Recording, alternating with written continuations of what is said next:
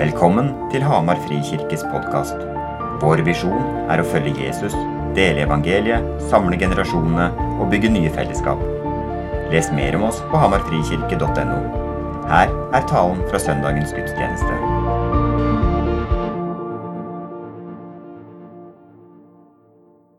For de som har glemt meg, da, så er det pastoren, gamle pastoren som står her. Han var pastor fram til 2021. Og så eh, var det jo midt i pandemitid og sånn, så ting kunne liksom bare fade litt sånn gradvis ut, og nye kom til. Kanskje ikke la merke til det engang, så har det bare fortsatt. så det er i grunnen eh, veldig greit. Men jeg har jobba i kirka her i veldig mange år eh, tidligere, og så gjorde jeg et, et, skifte. Litt gradvis, men så helt fra begynnelsen av 2021. og jobber nå inn i en diakonal eh, stiftelse som heter Crux i eh, byen her. Eh, og det er veldig spennende. Jeg er veldig glad for de åra jeg har hatt her som pastor, og det trygge, gode fellesskapet. Det har vært en veldig god menighet å være pastor i. Det skal dere ha. Så det er jeg veldig glad for. Så det var liksom ikke noe sånn type brudd som var noe vondt og vanskelig i det hele tatt. Men det var mer sånn at jeg opplevde at Gud kalte meg og dro litt på meg til å eh, gjøre noe, eh, gjøre noe også utafor kirka. Kanskje være pastor litt utafor kirka, rett og slett. Uh, og den, den, bekreftelsen fikk jeg her om dagen i, i, det fellesskapet jeg er nede i, i på Barm-senteret her, så sa jeg det at jeg skulle preke her i, i dag. Og, og, så spør de er du ikke pastor lenger. Jeg skjønner ikke helt det.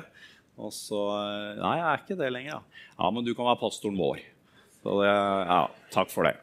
Så det, det syns jeg er veldig veldig ålreit. For det, det, ligger nok i, hjertet mitt å være en, en pastor, enten jeg er her eller der.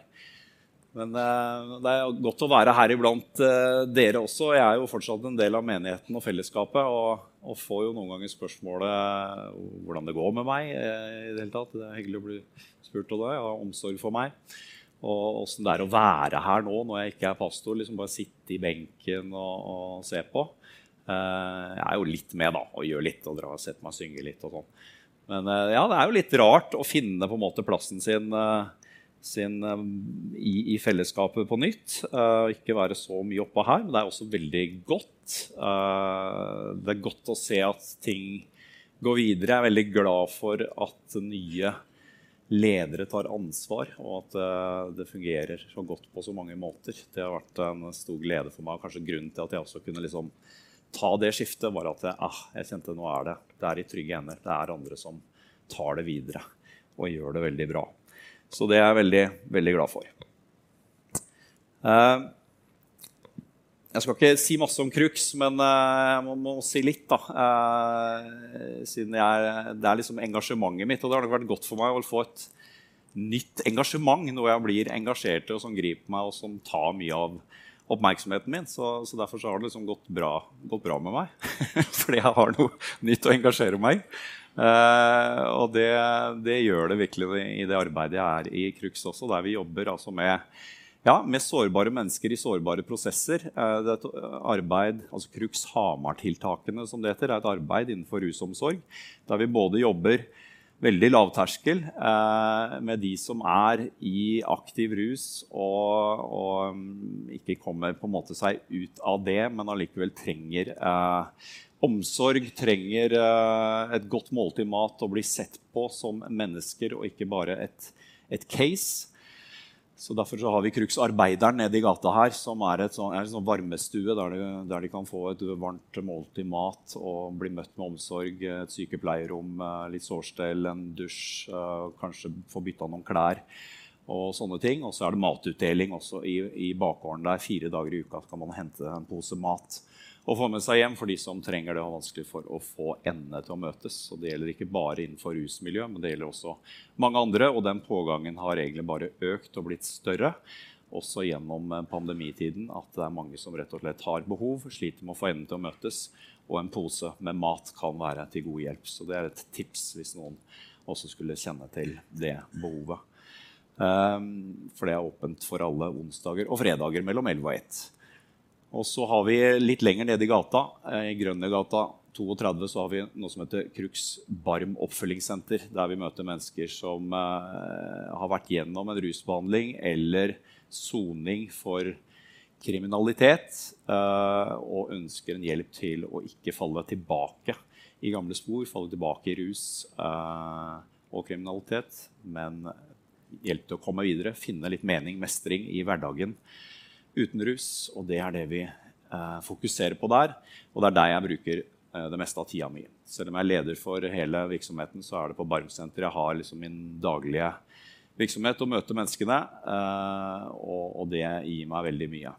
Det er et ærlig, rått miljø, og det liker jeg godt. Det er et veldig godt utgangspunkt. Og det er mennesker som har kommet hit at man trenger hjelp, ønsker hjelp, ser at man trenger støtte og hjelp i livet. Det er også et veldig godt utgangspunkt eh, for å gå et stykke vei sammen. Vi som jobber i Crux, vi kaller oss medvandrere. Så vi er støtter på veien. Vi er et supplement til det offentlige og det de får andre steder, men her skal de bli møtt med menneskelighet, eh, med litt mer tid enn det de kanskje opplever ellers. Og at vi går et stykke vei sammen med dem. Så det er meningsfullt. Og så driver vi litt sånn aktiviteter og arbeidstrening. Vi har et skoletilbud Eh, der nede i samarbeid med Storhamar videregående skole, så folk kan gjenoppta skolegang. Vi har et flyttebyrå. Noen kan henge seg på og drive flyttetjeneste for andre. Vi driver Bua nede på Torgehjørnet, som er et sted alle kan bruke og låne seg utstyr istedenfor å kjøpe sports- og fritidsutstyr. Så kan du låne deg for en uke og teste det ut om det er noe du skal fortsette med etterpå. Eh, og også skal hjelpe de som ikke har råd til å kjøpe så mye utstyr. Så det er mye bra arbeid. Oi, oi, oi. Nå hørtes det fryktelig mye bra ut når jeg sa alt dette på en gang. Eh, så vi får komme tilbake til det en gang og få noen kruksere til å komme hit og fortelle litt eh, mer. Eh, men det er ikke det jeg egentlig blir spurt om nå. Da. Nå skal jeg, jeg skal jo preke som en gammel pastor. Så, og temaet er jo forvaltning av evangeliet i handling. Og det var ikke helt uten grunn at jeg ble spurt om det, da, for det handler jo på en måte litt om det det jeg jobber med nå. Eh, så var det to uker siden vel, som eh, temaet var forvaltning av evangeliet i ord. Så man har valgt å dele dette opp i, i, to. Og så kan det være både en fordel og så kan det være litt kunstig. For jeg tror ord og handling det går liksom hånd i hånd og skal gå hånd i hånd. Lettest er det kanskje at det bare blir mye ord og lite handling. Uh, når vi driver handling, så driver vi alltid også med mye ord. Det blir, det blir mye ord uh, i, i, det vi driver med, også i, i kruksammenheng, selv om vi fokuserer på, på, handling. Så det er noe å forvalte. Uh, og forvaltning det handler jo om å ta vare på noe. beskytte det, bevare det, men også utvikle det. så det er å forvalte noe vi har fått en gave vi har fått, og som vi er kalt til å gjøre noe ut av. Eh, og få noe ut av, ta godt vare på, men også utvikle. Eh, og evangeliet det er jo selve skatten vi har fått. Det er liksom kjernen i det vi er samla om som kirke. Evangeliet, det vi har fått motta. Det er de gode nyhetene midt i en verden med mye mørke. Det er den ubetinga kjærligheten fra Gud til alle mennesker. Det er Guds nåde til syndige mennesker som tar imot hjelp. Og evangeliet, det er ordet som ble menneske og tok bolig iblant oss. Sånn er det Johannes evangeliet starter med å si det. Og det syns jeg er fascinerende at han bruker det for ordet logos. Ord har det vært eh, mye av, ord var det mye av. Og så valgte Gud å sende ordet til eh, oss mennesker og gjøre det til kjøtt og blod, sånn at det ble handling av det. Sånn at det ble et eksempel, sånn at det ble noe å se til. Eh, ikke bare tomme ord eller store ord som det er vanskelig å forholde seg til. Og det er noe der vi også trenger å gripe at det er ikke bare ord dette handler om. For vi kan bli veldig ordfokusert i en kirke. Og jeg kjente som pastor gjennom alle disse åra så ble det fryktelig mye ord. Jeg sa veldig mye, eh, og det var godt ment. Men eh, det er ikke alltid liksom det fører med seg noe. Det er noe med at ord og handling må gå hånd i hånd. Eh, og at ordene skal bli til noe. Og det ble det i Jesus. Ord ble til handling. Han ikke bare forkynte ord, men han demonstrerte ordet i handling. Han refsa de som bare brukte fromme, tomme ord, og som egentlig ikke brydde seg så mye om menneskene. Jesus møtte ulike typer behov. Praktisk, helsemessig, sosialt. Han var et medmenneske. Og han kalte ofte på mennesker som ikke helt fikk det til. Han refsa de som trodde, han trodde de fikk det til, og så kalte han og hang med de som ikke fikk det til. Han som kom fra himmelen, ble veldig, veldig jordnær. Og det tror jeg vi kalles til å være òg. Vi som har fått et møte med Jesus. Vi kalles til å være veldig jordnære samtidig. Å være medmennesker. Evangeliet det handler som sagt om Guds nåde til oss mennesker. Nåde er en av de vakreste ordene jeg vet. Eh, det beskriver en gave som vi tar imot ufortjent. Eh, Guds kjærlighet, frelsen, det evige livet. For oss mennesker så er det jo helt normalt å tenke at vi må gjøre oss fortjent til noe. Eh, det ligger så dypt i oss. Vi må gjøre oss fortjent til noe vi skal få. Men det er helt motsatt med evangeliet. Det må oppleves ufortjent. For at nåden skal ha sin virkning, for at nåde skal være nåde, så må det erfares, oppleves ufortjent. Det er en betingelse for at det skal gjøre sin virkning i oss. En av de som fikk oppleve det, var en som het Sakkeus eh, i Bibelen. Og det kan du lese om i Lukas 19. Han var eh, overtoller og, og, svært rik, står det om han. Og når du overtoller, da var du liksom ikke bare en vanlig toller, du var en som var liksom toller over tolleren igjen. Og tollerne de var jo ikke akkurat eh, vel anerkjent eh, av, av, jødefolket, for de jobba jo for fienden. De jobba for romerne.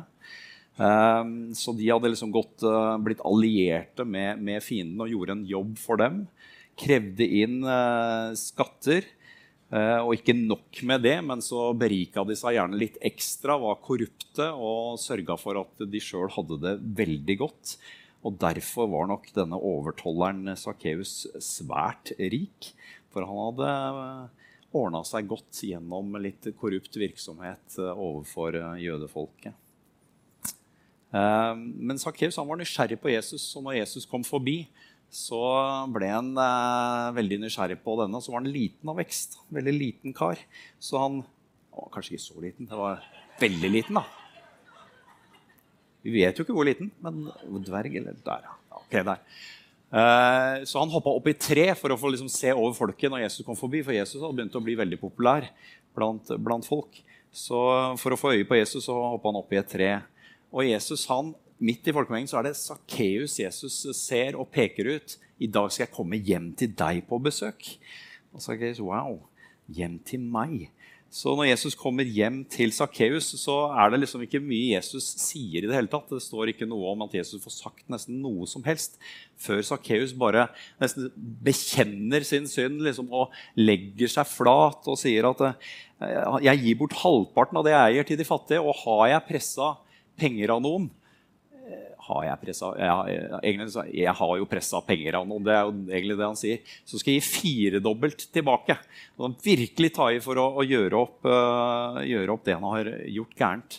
Og det blir et eksempel da, på en som blir møtt på en måte, blir sett og møtt med nåde, og så trenger, trenger, ikke Jesus nesten si noe som helst før det skjer et eller annet inni Sakkeus. En byrde han sannsynligvis har gått og båret på. Ikke helt fornøyd med livet. Han vet at han gjør mye gærent. Dette her ikke, står ikke til som han ønsker det. Og så får han bare lyst til å, å gjøre opp for seg og gjøre godt mot mennesker. Og Jesus svarer i dag er frelse kommet til dette huset. Frelsen kom med Jesus. Responsen til Sakkeus viser at han har tatt imot det. Så er det sånn at Jesus, når han, når han skal eh, plukke ut disipler, da, de som skal være med han på, på ferden, så er det også ikke akkurat blant de som man liksom regner med kunne bli valgt ut, som han plukker blant. Eh, det er mange sånne skriftlærde fariseere som, eh, som, er rundt Jesus. Og mange av de som på en måte var godt kvalifisert, kunne Skriften utenat. Og hadde på en måte, jeg hadde kvalifikasjonene til å, å bli plukka ut blant Jesu disipler. Men det er jo ikke blant de Jesus eh, plukker sine disipler, velger ut sine disipler. I Matteus 9 så møter vi på en, en eh, toller til som Jesus blir litt opptatt av. Eh, og det er i Matteus 9 fra vers 9. Og det er tolleren Matteus, rett og slett forfatteren av Matteus evangeliet, som vi, vi, møter på der, og hvordan han kom i kontakt med Jesus. Så vi kan lese fra vers 9 til 13. Eh, Derfra gikk Jesus videre og fikk se en mann som satt på tollboden. Han het Matteus. Jesus sa til ham, 'Følg meg.' Og han reiste seg og fulgte ham. Senere var Jesus gjest i huset. Det kom også mange tollere og syndere og var sammen med Jesus og disiplene hans til bords. Dette så fariseerne, og de sa til disiplene.: Hvorfor spiser mesteren deres sammen med tollere og syndere? Men Jesus hørte det og sa, Det er ikke de friske som trenger lege, men de syke. Gå og lær hva dette betyr. Det er barmhjertighet jeg vil ha, ikke offer.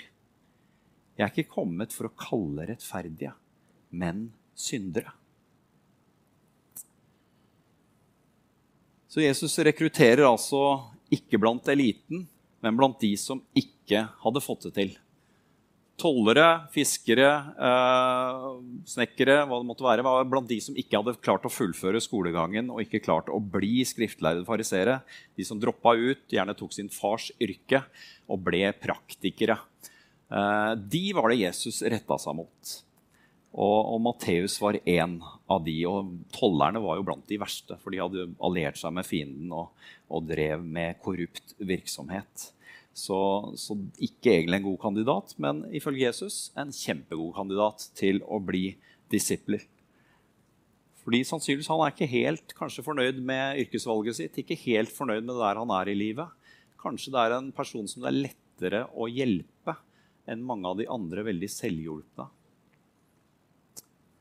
Så når uh, Matteus arrangerer fest hjemme hos seg med, med Jesus og de tvilsomme vennene hans, tollere og syndere.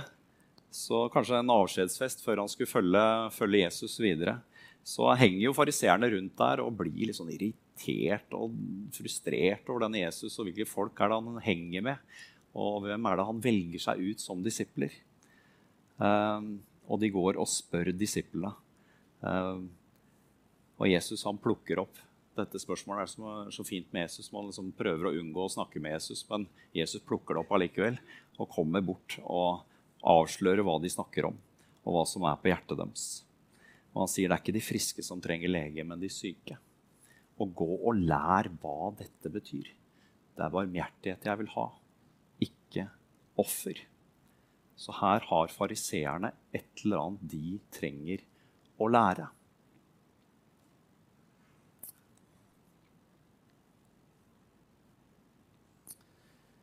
Sier Jesus med dette at fariseerne er eh, friske, eh, at de er rettferdige.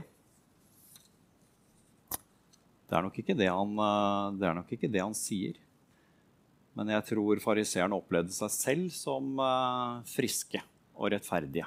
Det var de som hadde det. De hadde grepet det, de klarte det. De hadde fiksa skolegangen, og de kunne masse bibelvers utenat. Og de var fromme og fikk til tilsynelatende det meste. Sånne mennesker er det veldig vanskelig for Jesus å hjelpe. Sånne mennesker er det veldig vanskelig for å kunne ta imot nåde. Jesus trenger å komme i kontakt med de som ser at de trenger hjelp. Det er vanskelig for en lege å hjelpe en som nekter for at den er syk, selv om han er det. Det er når vi først erkjenner at vi har en sykdom og har et behov og trenger hjelp, da kan vi motta det og ta imot det. Sånn er det i møte med Jesus også. Derfor er det et helt nødvendig utgangspunkt for Jesus. Det er å komme i kontakt med de som ser seg selv som en synder. Da kan nåden få gjøre sin virkning og få sin kraft, gjøre sitt verk i oss.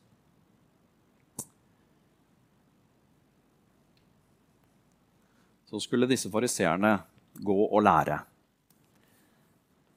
hva barmhjertighet er for noe. Det er barmhjertighet jeg vil ha, ikke offer. Og Her siterer Jesus fra Skriften, så det er ikke noe nytt Jesus kommer og sier. Dette er sitert fra i Det gamle testamentet. Hva betydde det for dem, og hva betyr det for oss? I Matteus 5, eh, vers 48, midt i bergprekenen, så, så, så, sier Jesus.: Vær da fullkomne, slik deres himmelske Far er fullkommen. Og når jeg leser det, så jeg, blir jeg litt svett. Uh, for det er liksom, den der fullkommenheten, den, den, sliter vi jo litt med.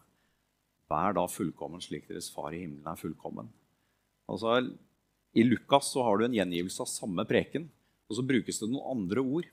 Der står det 'vær barmhjertige, slik deres Far i himmelen er barmhjertig'.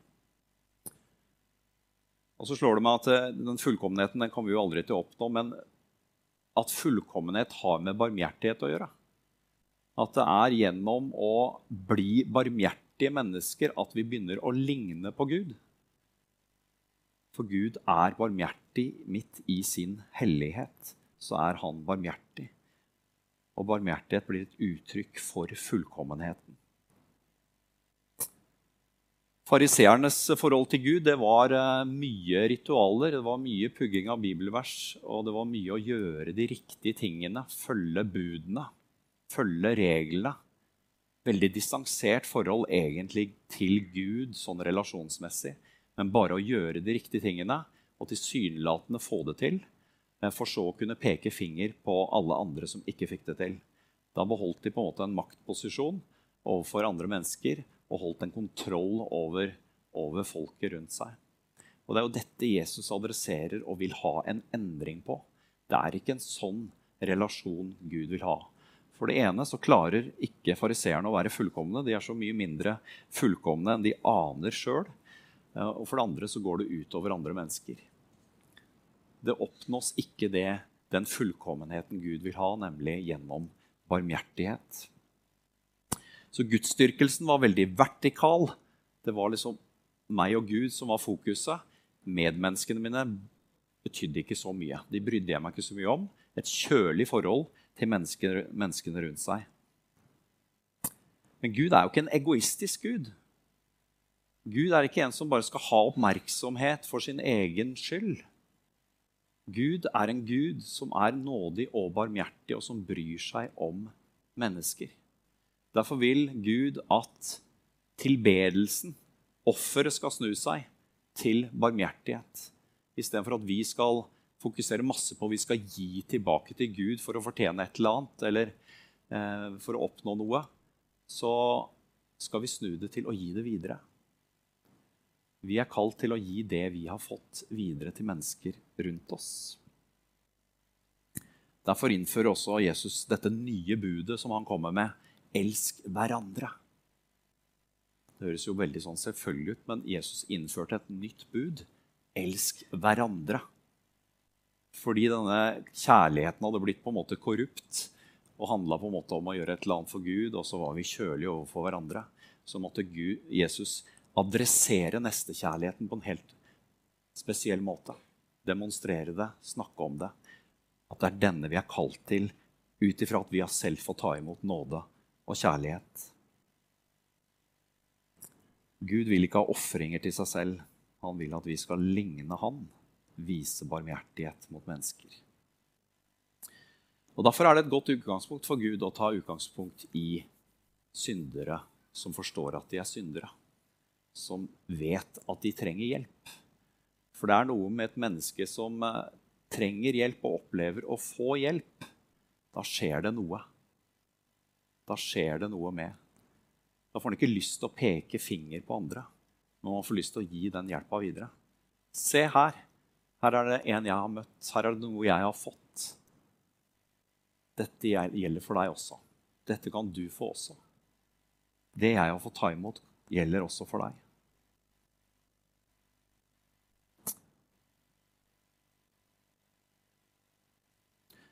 Martin Luther han eh, skilte mellom det han kalte passiv og aktiv rettferdighet. Og Det er et godt utgangspunkt for oss. For vi, Et eh, teologisk viktig ord for oss er det som kalles rettferdiggjørelse.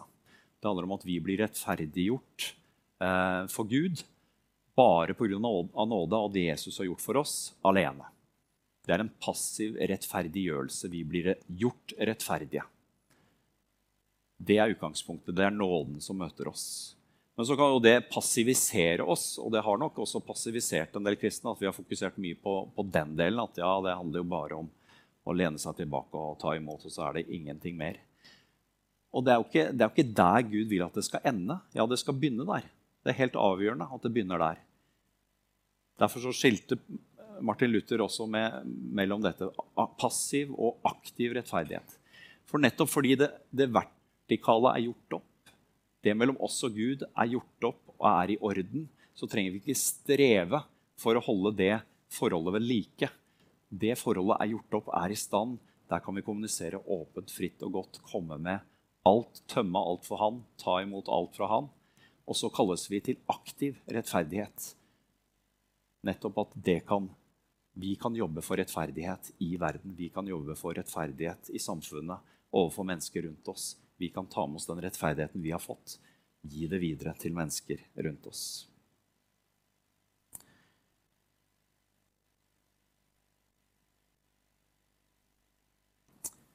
I kirken så har man et ord for, eh, for dette.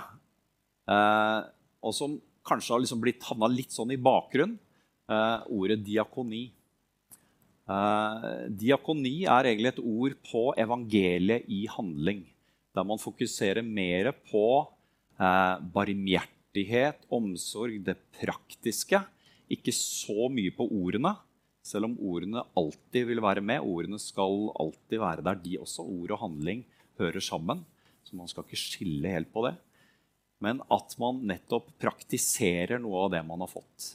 Diakonien er kjempeviktig viktig og trengs å løftes høyt opp. Og Det er ikke i alle kirker det blir gjort, det.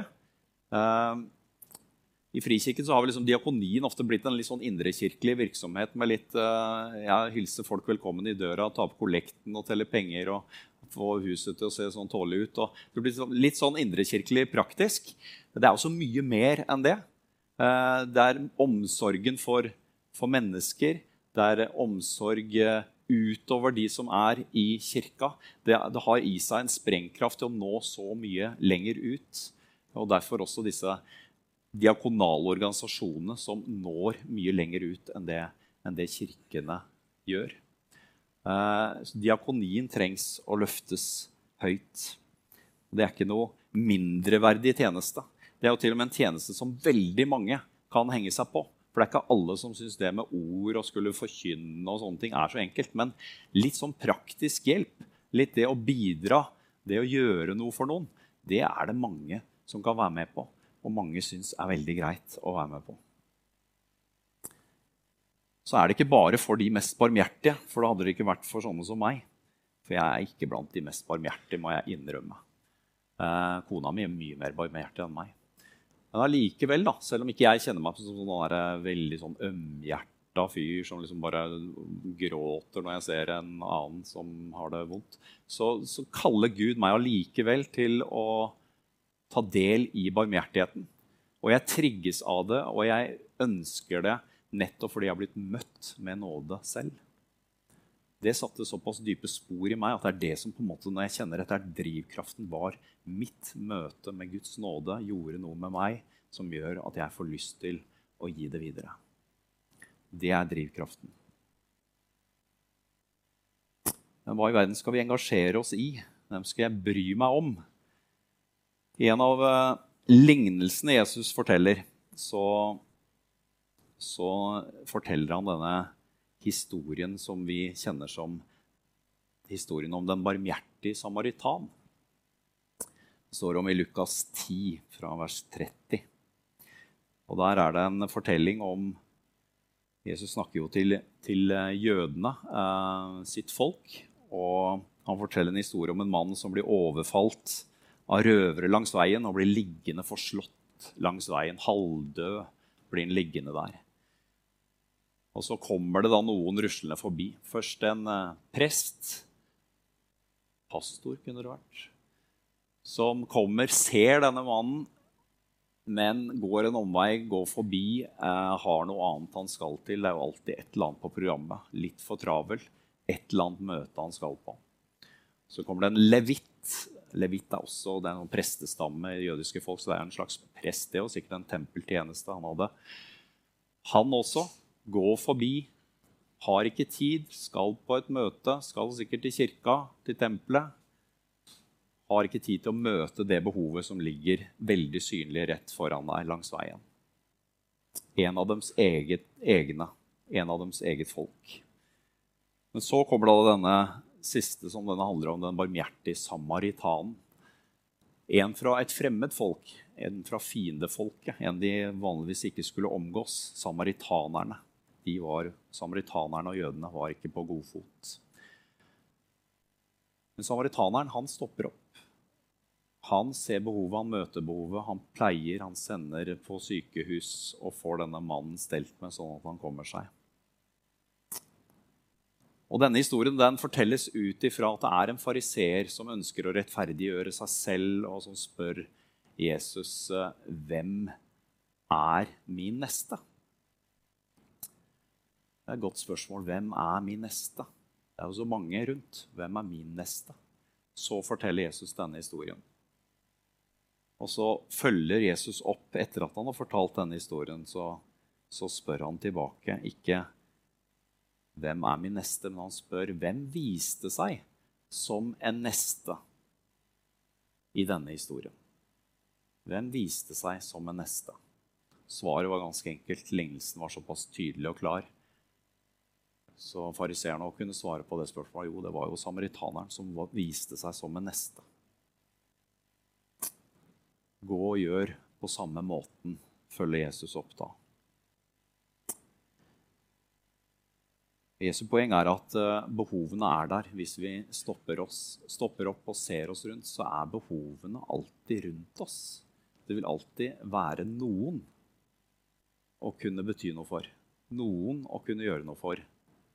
Vi trenger liksom ikke stille oss det spørsmålet hvem, hvem i huleste skal jeg gjøre noe for. Det er alltids noen. Behovene er jo helt enorme. Det er jo massivt med behov rundt oss. Denne verden er jo i et mørke, og det er dystert på mange plan. Så man kan bli helt overvelda også i alt dette her. Hvem skal jeg få bety noe for? Hvem skal jeg være noe for? Og Der tror jeg vi må prøve å gjøre det litt enkelt for oss selv. For vi kan ikke redde hele verden. Det er det en annen som har gjort for oss. Så det handler om for oss gjerne å bli leda til den ene. Å være lydig for det. Kunne stoppe opp og se den ene, den som ligger foran deg. Og så handler det ofte om prioriteringer. Og jeg tenker alltid vi må begynne med de som er nærmest oss. Sånn at Hvis det er noen i din nærhet, i din nære familie, blant dine nærmeste venner, som trenger deg, så vær en neste for dem. Og så handler det alltid også om det kristne fellesskapet, at vi tar godt vare på hverandre. Sånn at i det kristne fellesskapet er det noen som du ser denne personen kan trenge meg, denne personen trenger å bli inkludert. Denne virker å være litt ensom. Jeg kan bety noe for dem. Gjør det. Men så tror jeg også det alltid skal være et rom hos oss, for de fleste av oss, for de som ennå ikke er en del av fellesskapet også at det er noen utenfor kirkeveggene som jeg kan få bety noe for. Den ene. Men for oss så handler det ofte om den ene, ikke om alle og de mange. Men for at det skal bli på en måte litt praktisk for oss, og ikke overveldende, vi skal gjøre det litt enkelt for oss selv, for Jesus har ment å gjøre det enkelt for oss. Ikke så komplisert at dette her blir bare pes. Så er det den ene å være en neste for den ene som kommer i din vei. som Gud leder deg til. Da kan vi stole på at Gud han kan lede oss. Han har skjenket oss nåde, og så har han skjenket oss sin ånd, som leder oss til ferdiglagte gjerninger. Mennesker Gud har lagt i veien for deg, som du kan få bety noe for. Så kan nåde og barmhjertighet virke hånd i hånd. For det er sånn det er ment å fungere. Skal vi um, gå mot avslutning? Um, og da Jeg kan ikke dy meg. Jeg tenkte En ting jeg prøvde liksom å, å, oppdra menigheten til i min tid, det var en eh, Fordi nettopp ordene blir glemt. Det var en enkel eh, bevegelse som jeg kalte disippelbevegelsen. Er det noen som husker den? Så vi må ta en repetisjon i dag av disippelbevegelsen. Reiser vi oss opp. Um, for det handler om mye av det jeg har snakka om nå. Så har du sikkert glemt allerede mye av det jeg har sagt. Uh, men den her kan vi jo prøve å huske. Den er veldig enkel. Og det handler om at vi har en tendens i oss, uh, i vår syndige natur, til å peke finger på andre for å rettferdiggjøre oss selv. Det ligger liksom litt i oss, så vi kan begynne med fingeren ut sånn.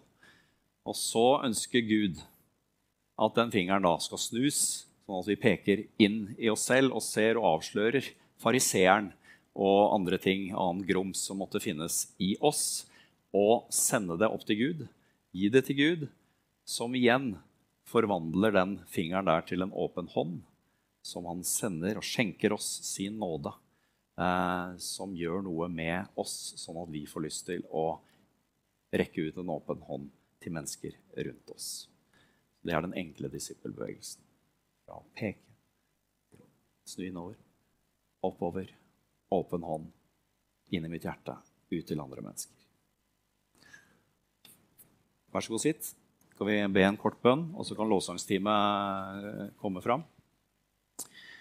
Jeg tenkte, I, mø i møte med et sånt uh, budskap så er det veldig på mitt hjerte da, at det ikke blir en sånn der, eh, nok, en, nok, en, greie vi skal uh, gjøre som kristne. Men nettopp det at Gud kan få lov til å uh, berøre oss med sin nåde. For oss som har vært kristne lenge, så tror jeg det er viktig å, å bli minna på at vi, vi, vi vi, fikk nåde. Eh, ikke ta det for gitt. Eh, det er nåde, og nåden er ny. Eh, nåden den gjelder, og vi trenger fortsatt nåde. Det er ikke sånn at vi vokser ut av den. Og for deg som kanskje ja, trenger rett og slett å få lov til å ta imot det på nytt i dag, la Gud få møte deg i dag. Tale til deg, skjenke sin nåde til deg i dag. Sånn at du kan få det ferskt, varmt på innsida. Og så tenker jeg at eh, for oss som har tatt imot dette, er at eh, Gud kan lede oss, minne oss på én person. Noen vi kan få lov til å bety noe for. Hvem vi skal være neste for. At det ikke blir overveldende og masse ting som står igjen, men at det kanskje er bare én person, én handling, som, som står fram. Så da kan vi være litt sånn stille innenfor Gud med det. Så ber jeg en bønn for oss, og så leder dere oss i en sang etterpå. Takk, gode, gode far, for at alt begynner hos deg, og begynner med din uh, nåde. Og at vi har fått lov til å ta imot det, vi som trenger hjelp, vi som ser at vi ikke fikser det sjøl. Og med det utgangspunktet så kan eh, vi samarbeide godt. Jeg ber eh, om at det er for de som trenger en eh, fersk opplevelse av din nåde i dag, Herre. De får lov til å ta imot ufortjent, gratis. Så ber jeg for oss at vi også kan bli minna på noen vi kan få bety noe for. Noen vi kan være neste for.